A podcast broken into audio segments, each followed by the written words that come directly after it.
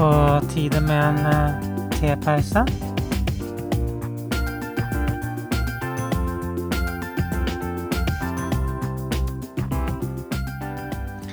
Hei og velkommen til en ny episode av Tid for en tepause.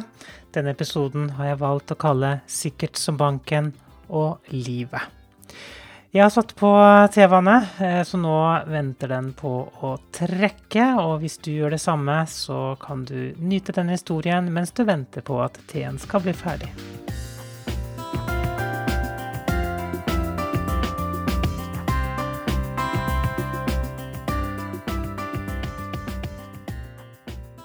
Jeg hadde nettopp tatt ut noen kroner i banken, dvs. Si fra minibanken inne i banklokalet, og jeg sto der med bare store sedler i hånden. Jeg eh, trengte noen mindre sedler, så jeg gikk til en bankansatt for å få vekslet til noen mindre sedler. Stor var min overraskelse da hun fortalte meg at det gikk ikke. De vekslet ikke penger her. Dette var en bank, måtte jeg skjønne. Et uh, kort øyeblikk ble jeg stående som forstenet. Haken sank ned til et hittil ukjent nivå, og jeg tror hun må ha sett overraskelsen i mitt måpende ansikt. Men jeg kunne kanskje få vekslet sedlene til mindre sedler på posten, foreslo hun, nesten trøstende.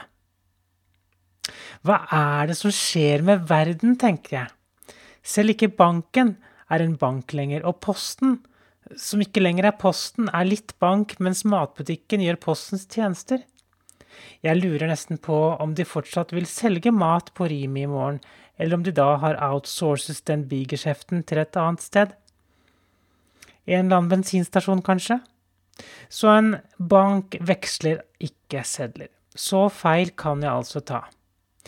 Mitt eh, verdensbilde med banker som et sted som håndterer penger, og postkontorer som et sted som håndterer post, er åpenbart helt feil. Og jeg kan velge om jeg vil fortsette å tro det som åpenbart ikke er sant, eller å endre min tro til noe annet som stemmer bedre med den virkeligheten jeg har rundt meg. Mitt mentale kart stemmer ikke lenger med terrenget jeg beveger meg i, og det gjør meg, merkelig nok, litt ulykkelig. Jeg eh, kjenner at jeg kan velge mellom et lengre øyeblikk med skuffelse eller å svelge skuffelsen over min feilaktige tro om verden, og velge å justere mitt verdensbilde til noe som stemmer bedre med terrenget. Denne gangen velger jeg, med litt motvilje, kjente jeg, å justere mitt verdensbilde. Så i min verden er ikke banker lenger et sted som håndterer penger, det er nå avanserte minibanker, og menneskene som jobber der, er veldig hyggelige, men de vil ikke kunne hjelpe meg med sedler og slikt. For det må jeg på posten eller butikken gjøre.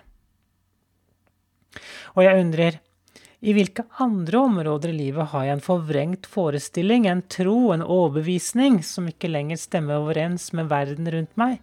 Hvilke forestillinger nekter jeg meg i mitt stille sinn å gi slipp på, selv om jeg ved å holde på dem nekte meg selv å se ting slik de egentlig er?